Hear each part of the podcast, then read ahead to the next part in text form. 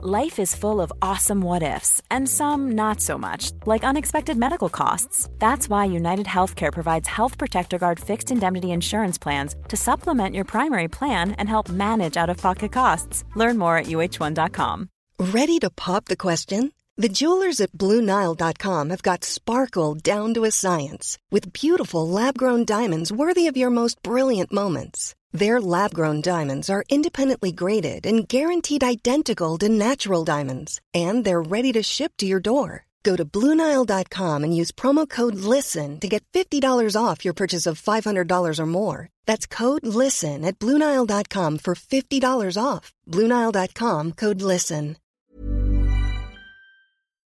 Det er en småsliten bergenser her uh, som kommer med en leseoppdatering. Det har vært litt mye jobb i det siste, så jeg er litt sånn Litt sånn ekstra rynkete.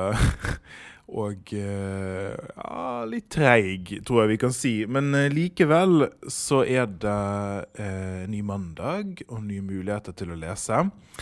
Eh, først så tenkte jeg å fortelle dere litt om reiseplanene våre eh, for denne podkasten. Vi har jo bestemt oss for å dra ut var så trivelig under litteraturfestivalen i Lillehammer at vi rett og slett bestemte oss for å prøve å gjøre denne podden som en livepod mer.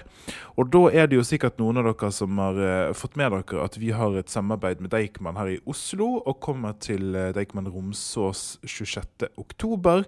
og Deichman Holmlia 29.11.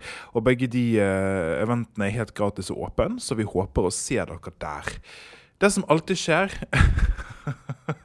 Det som alltid skjer når uh, vi reiser ut med om det er denne podden eller en annen podd, eller hva det er, det er at alle andre byer og steder i Norge spør om vi kommer dit. Og det er veldig, veldig hyggelig.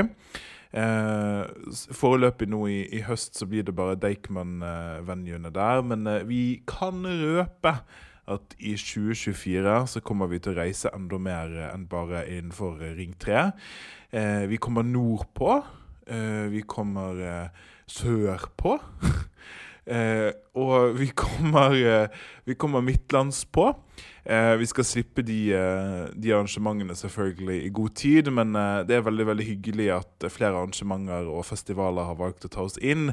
så vi kan love til de av dere som er litt lei av at alt skal skje i Oslo så kommer vi altså eh, ut, utover. Og det, det syns vi er veldig veldig fint. altså. Det er mange som tror at eh, når, eh, når, vi eller andre har arrangement, så er det liksom vi som bestemmer på en måte hvor vi vil.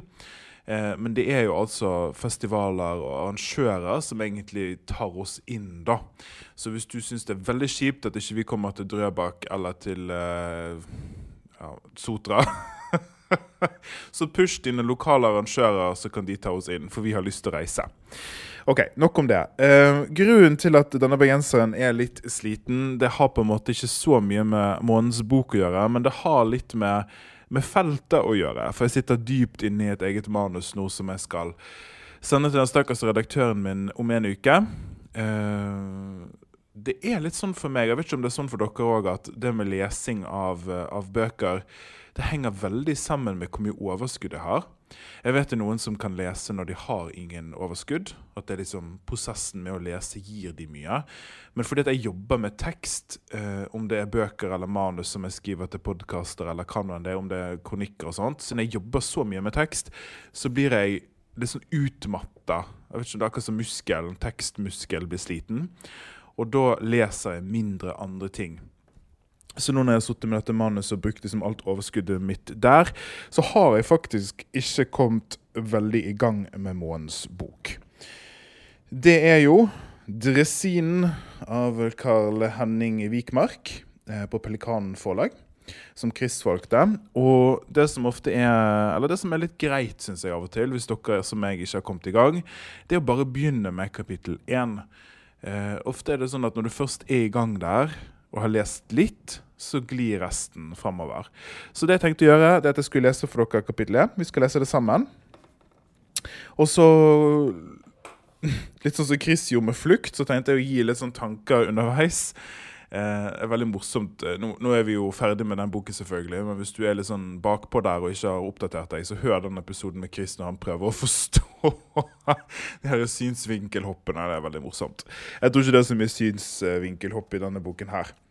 Så det er altså kapittel én her. Det begynner på side ni. Len deg tilbake, og så skal vi lese sammen. Det var jeg som oppdaget dem først. Det var en kveld i slutten av april. Slik jeg pleide om kvelden, satt jeg på trappen til det lille huset mitt og kikket ut i det varme mørket.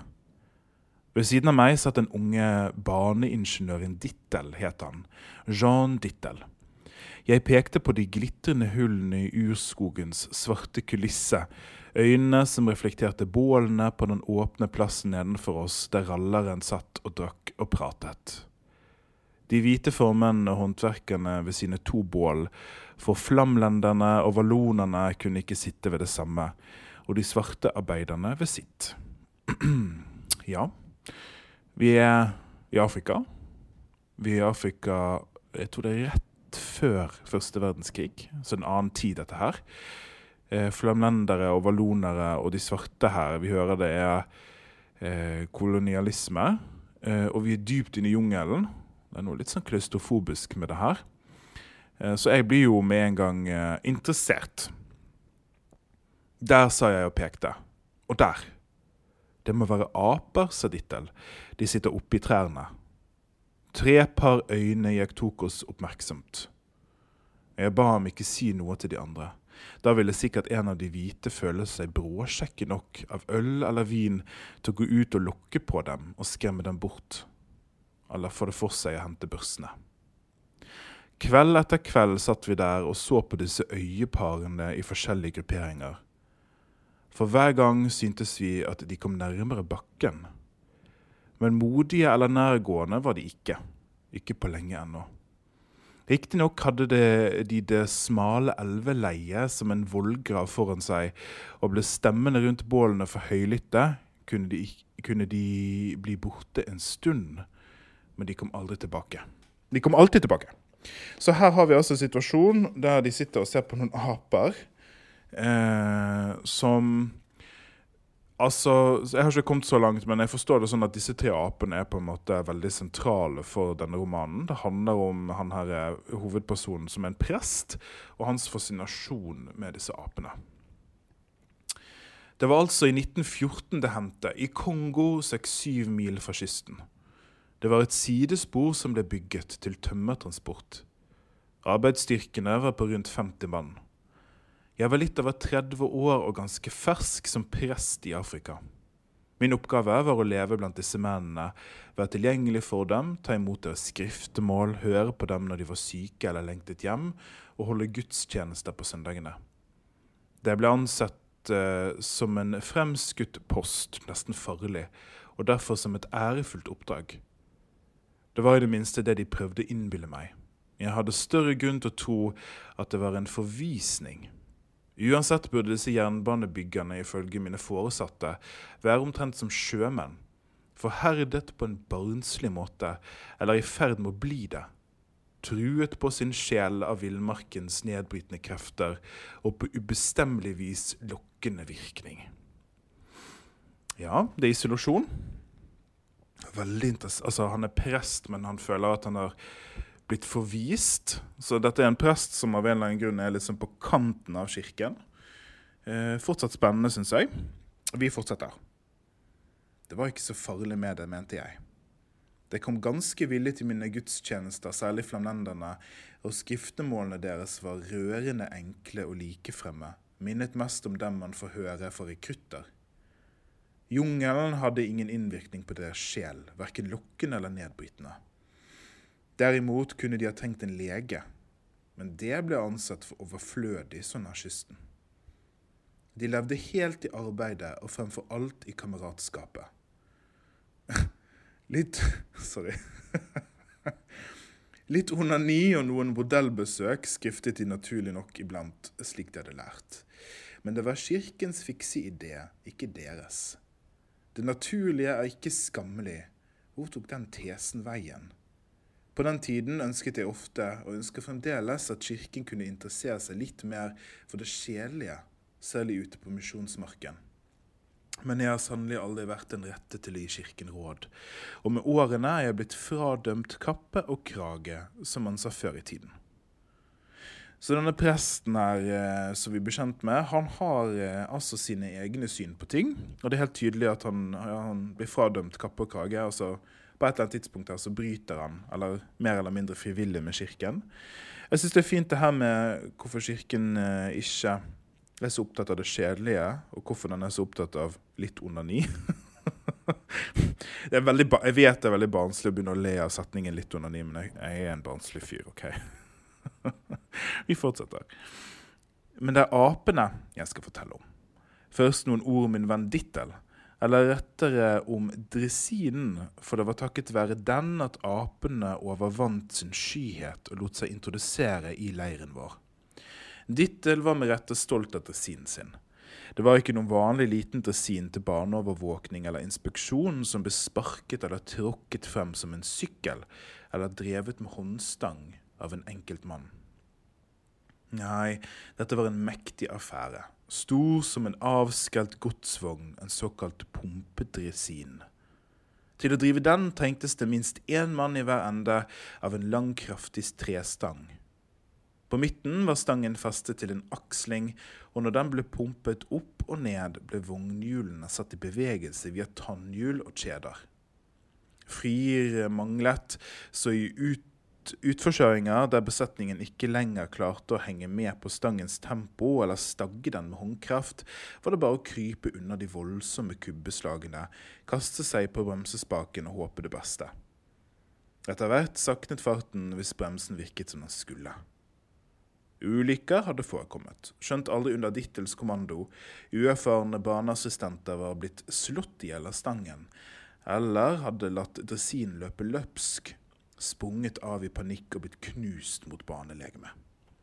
Denne dressinen her måtte jeg slå opp. Jeg skjønner jo litt fra beskrivelsen hva det er. Dette er min beskrivelse av det. Det er sånn, Dere vet det er sånne gamle tegnefilmer. det er sånn jernbane, og så er det en sånn ting som eh, Det står én på hver side med sånn, eh, ja, sånn håndgrep-ting, og så tar den ene opp og den andre ned, og så beveger han seg bortover. Det er min beskrivelse. Denne dressinen er jo selvfølgelig kjempeviktig. Boken heter jo 'Dressinen'. Eh, jeg merker at det hører veldig veldig inngående beskrivelser av en sånn ting som det her. Det er litt sånn mindre spennende, merker jeg. Vi fortsetter. Et kjøretøy av dette slaget ble kalt en transport- eller arbeidsdressin og kunne frakte betydelige mengder personale og byggematerialer. Trengtes det enda mer, kunne man ta en mindre tralle på slep. En kran til å løfte sviller med kunne også monteres på, men det ble ansett som unødvendig her siden arbeidskraften var så billig. Ut fra den eksisterende konstruksjonen som skal ha vært vanlig ved jernbaneanlegg på denne tiden, hadde nå Dittel i løpet av sine år i Afrika utviklet visse forbedringer av sin egen oppfinnelse. Ingen av dem var ment å forbedre sikkerheten, men det sier noe mer om tiden enn mannen som tok vare på folkene sine og var like av, likt av alle, også de svarte arbeiderne. Det siste var svært uvanlig for en hvit arbeidsleder. Til å begynne med hadde min venn egenhendig forsterket dekket med et ekstra trelag og bygget et styrhus som en kahytt helt bakerst, der det også ble oppbevart redskap. Det var det første beskjedne skrittet mot den personlige skapningen som senere skulle få hedersnavnet Ladittel. Neste skritt var å skjære ut en luke på et par meters bredde i vogngulvet et stykke foran kahytten, slik at man kunne sitte bekvemt der inne og granske skinnegangen mens man for frem over det i stedet for, som tidligere, å sitte eller ligge helt forrest, med dårlige muligheter til å holde seg fast og farlig nær pumpestangen. Luken var hengslet og kunne åpnes og lukkes som en kjellerlem. Fint innrammet som et som operasjonssår, hørte jeg ham si under en demonstrasjon, ser jeg skinnegangens sykesteder avtegne seg der nede. Ved hjelp av lukens graderte kanter kan jeg raskt og sikkert kontrollere sporbredde, bolteavstand og svilleavstand. Og må jeg foreta et inngrep, gir kantene meg en vektstangvirkning. Ja, dette var litt kjedelig. Eh, det minner meg om Hvorfor er det kjedelig? Det, er litt kjedelig for meg, for det er så teknisk. Men jeg føler det er jo viktig, på en måte, tror jeg, eh, disse beskrivelsene. For denne intensinen skal jo, skal jo bli veldig viktig i romanen. Så vi må jo, vi må jo skjønne hvordan den funker og sånn. Men det er noe med sånn her teknisk språk og beskrivelser av maskiner som jeg bare Det er ikke helt for meg. Vi håper det tar seg litt opp. Luken var en suksess. Selskapet uttrykte sin store begeistring og økte til og med lønnen hans. Oppmuntret av suksessen gikk han ufortrødent videre. Neste innovasjon var kniv... En gang til. Neste innovasjon var knivskovle. Skarpe ljåer som som ved behov ble festet langs kanten av hjulene og stakk en halvmeter ut på sidene. Ja, OK, jeg skjønner. Så det er sånne, eh, det er sånne kniver som liksom kan skjære vekk eh, busker sånn i veien, kanskje? Vi fortsetter. Ved høy fart meide de særdeles effektivt ned vegetasjonen. Ja, nettopp. Av skudd og janer som med utrolig hurtighet og grokraft gjenerobret den smale, frie sonen rallarlagene hadde ryddet med så mye strev. Han trodde at ideen med roterende kniver var ny, og jeg hadde ikke hjerte til å fortelle ham at romerne hadde prøvd det samme på stridsvognene sine, der hensikten selvfølgelig var å kjøre inn i fiendens infanteri og kappe så mange bein som mulig. Romerne må ha hatt de samme tekniske problemene som Dittel. Faren for å sette seg fast hvis farten var for lav, eller fiendens bein eller beinskinner kom for tett. Til å begynne med kunne han bare bruke knivene når det bar skikkelig utfor. Men snart kom han på en utmerket løsning med brede kniver av bøyelig stål som gned under tykke grener. Disse ble så kappet for hånd. Ja, det tekniske fortsetter. Uh... Men jeg skjønner tegningen. Er vi er midt i jungelen her. Det er et helt annet landskap. Det er farlig landskap. og liksom, det, er, det, er, mann mot jungel. Liksom. Det er det bildet jeg får. Denne lille dresinen blir liksom sånn eh, teknologisk nyvinning som gjør det mulig å, å reise gjennom jungel, som i utgangspunktet er veldig, veldig vanskelig. Så jeg får liksom følelsen av at det bygges opp et tema her helt fra starten av. Det er menneske mot natur, liksom. Eh, og, og det at denne oppfinnelsen med å rive ned vegetasjonen som gror over, kobles mot stridsvogner, er veldig sånn Ja, det er noe interessant der, på en måte. Så nå er jeg litt med igjen. Nå skjønner jeg, nå skjønner jeg hvor vi skal med alt dette tekniske pratet. Men problemet med vognenes ujevne hastighet ga ham ikke ro, og en dag kom han hjem med ivrig barneøyne øyne fra et besøk ved kysten og utviklet en forbløffende idé, seildresinen. Dette ble først ansett for overdrevet, og man var redd for at det skulle gjøre selskapet til latter. Men dette lot seg ikke stanse. Han ofret en ukes fritid, og ved hjelp av sin svarte assistent, en usedvanlig dyktig og intelligent ung mann, monterte han rett og slett opp mast og bom rett foran kahytten. Og på dem et rustrødt seil som han hadde bestilt i byen. Så ventet han på gunstig vind og inviterte et par av eh, sjefingeniørene på en prøvetur. Dessverre kunne ikke jeg bli med på jomfruturen, men vinden var tydeligvis den rette, og han klarte å vise seilenes evne til raskt å få farten opp i starten, og på de tilnærmet åpne rette strekningene, der dressinen nå kom opp i en hastighet som pumpemannskapet ikke kunne frembringe eller engang henge med på. Som en torpedo skar den inn i jungelen.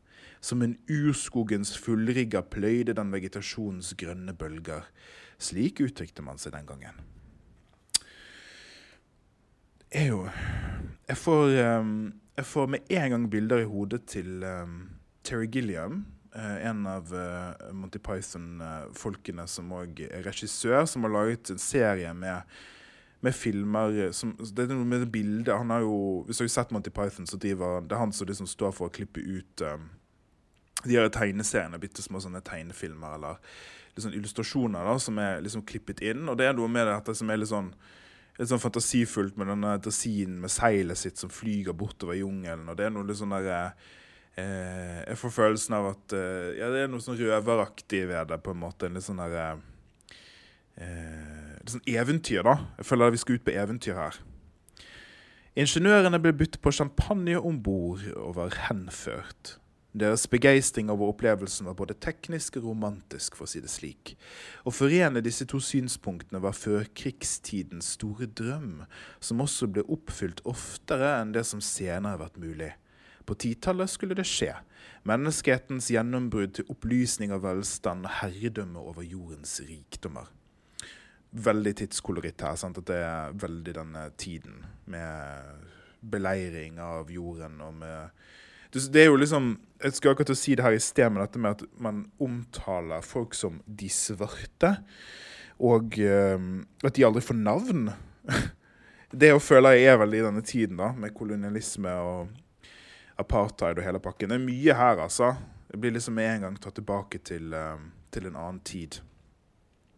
Dittel fikk et gratiale og ble hyllet av selskapet med en middag i byen, som han kom tilbake fra. Rødøyd og med stor bronseskulptur i armene. En lillesøster av Frihetsgudinnen, så det ut til, men tydeligvis et symbol på selskapet og dets sivilisatoriske virke. Han plasserte den for øvrig i kahytten, over den smale briksen han hadde klart å klemme inn der, til langturer, som han sa. Dette var altså den seilende dresinen Jean Dittels gave til den jernbanebyggende menneskeheten. Dermed hadde jeg også beskrevet en viktig side av mannen. Han gikk opp i sitt yrke som et barn i leken. Men var leken rasjonell? Jeg tror ikke det. Ikke slik han drev den. La Dittel var et kunstverk i seg selv, et selvportrett av en mann som i bunn og grunn var like glad med den praktiske nytten den muligens kunne fylle på sin glade ferd. Han var en stolt, naiv oppdager og overvinner av den ville natur. Et barn som plukker på en ødelagt klokke i den tro at han reparerer den. Ja, men bra setning. Et barn som plukker på en ødelagt klokke i den tro at han reparerer den. mm. Ja, det var en bra setning. Fordi Trenger jeg å forklare det? Jeg Jeg har en sånn overforklaringsgen. Jeg tar meg sjøl i det av og til. Det, det, jeg trenger ikke forklare hvorfor det er en god setning. Det kan bare, det kan bare henge der. Det syns jeg var den beste setningen i hele kapitlet. Et barn som plukker på en ødelagt klokke i den tro at den reparerer den. En annen side av ham var hans moralske karakter, som helt og holdent var en moden manns. Jeg skal komme tilbake til den. Alt i tur og orden. La Dittel er hovedpersonen i min historie. Dittel selv var bare dens første offer. Det er jo en bra Det er slutten på kapittelet, forresten. Det er en bra slutt. Ja, nei eh, Det er jo eh, Jeg får følelsen av at dette er en roman som dreier seg om ja, dette med menneske-natur-greiene. Jeg tror det blir det det handler om, noe filosofisk der. Disse apene blir jo veldig viktige. Apene er jo dyr, men de skal liksom det står bakpå her at de skal være med på denne reisen da, sammen med presten. At de liksom hijacker denne dressinen, som er helt vilt. Jeg tror det er mye her som er spennende. altså. Og så er det det at ja, det er litt teknisk, dette her. Eh, litt omstendelig språk. Det merker dere sikkert. Eh, så det må man liksom bare akseptere. Men det var kapittel én. Jeg håper at eh, de av dere som nå ikke har kommet i gang, kan komme i gang. Det hjelper liksom bare å komme inn i det. Eh, og så eh, ses vi om en stund. Nå er det Chris som skal losje dere gjennom eh, neste uke. Og så må denne slitne bergenseren bare få fingeren litt ut. Nå skal jeg levere fra med mitt manus, og da er jeg jo klar for dette røvereventyret. Ha det! Denne podkasten er produsert av Henry.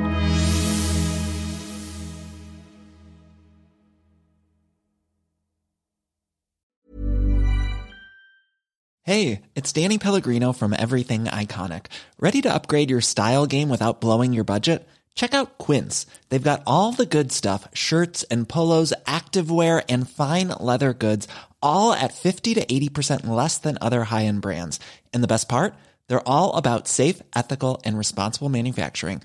Get that luxury vibe without the luxury price tag. Hit up quince.com slash upgrade for free shipping and 365 day returns on your next order. That's quince.com slash upgrade. Hold up. What was that? Boring. No flavor. That was as bad as those leftovers you ate all week. Kiki Palmer here, and it's time to say hello to something fresh and guilt-free. Hello Fresh. Jazz up dinner with pecan-crusted chicken or garlic butter shrimp scampi. Now that's music to my mouth. Hello Fresh. Let's get this dinner party started. Discover all the delicious possibilities at hellofresh.com. Hey, it's Paige DeSorbo from Giggly Squad. High quality fashion without the price tag. Say hello to Quince. I'm snagging high-end essentials like cozy cashmere sweaters, sleek leather jackets, fine jewelry, and so much more. With Quince being 50 to 80% less than similar brands. And they partner with factories that prioritize safe, ethical, and responsible manufacturing. I love that. Luxury quality within reach. Go to quince.com slash style to get free shipping and 365 day returns on your next order. Quince.com slash style.